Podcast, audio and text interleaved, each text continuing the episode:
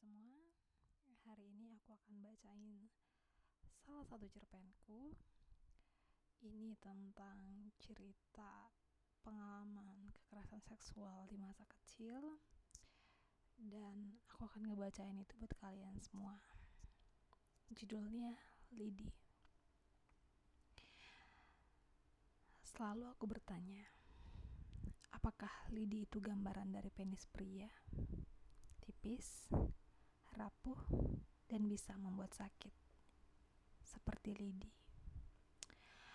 Aku akan selalu meluangkan waktuku ke rumah teman masa kecilku, dan entah apa yang membuat aku terus datang dan datang lagi. Aku tak ingat detailnya, tapi yang aku tahu, jika masih kecil berumur lima tahun, wajar saja kau main ke rumah temanmu dengan alasan apa pun sebab kau tak punya tanggung jawab yang besar selain mencuci piring. Mungkin. Halo aku datang lagi hari ini. Mengetuk pintu rumahnya sambil celingak celinguk dan bergumam. Kenapa pintu yang ditutup padahal biasanya selalu dibuka? Dia pun keluar bukakan pintu dan berbisik di telingaku. Sebentar ibuku masih di rumah. Datang nanti sore saja. Seketika pupuslah harapanku Aku pun kembali ke rumahnya dan mencari boneka sebagai teman bermain. Berjam-jam lamanya sambil menunggu sore untuk kembali ke rumahnya. Berbeda halnya dengan ada bangku yang akan pergi sesukanya, karena katanya kalau anak laki-laki harus bermain di luar, sementara aku bermain dengan boneka, benda mati permainan yang kenal aku saat itu ya hanya boneka, mobilan, truk, alat berat apa pun hmm, hanya milik abangku. Sekali ku sentuh maka habislah aku. Boneka aku punya banyak pilihan tas, baju, gaun, sepatu, dan alat pemasak. Kemudian terlintas di pikiranku. Bagaimana jika ruah boneka ini lampunya rusak atau perlu palu? Ah, gampang kan anak laki. Pukul 4 sore. Hanya sekali aku mengetuk pintu rumahnya dan benar, langsung dibuka. Ibu mau mana? Sambil melihat ruangan rumah yang kosong dan tanpa penghuni. Rumah tanpa jendela dan sangat rapat dengan tetangga pengap. Dia pergi sampai malam katanya sambil menyalakan saklar lampu ruang tamu. Jadi aku di sini sampai malam juga ya. Wajahku riang dan sumringah karena akan punya teman sampai malam. Jangan, sampai sore saja nanti kau dimarahi.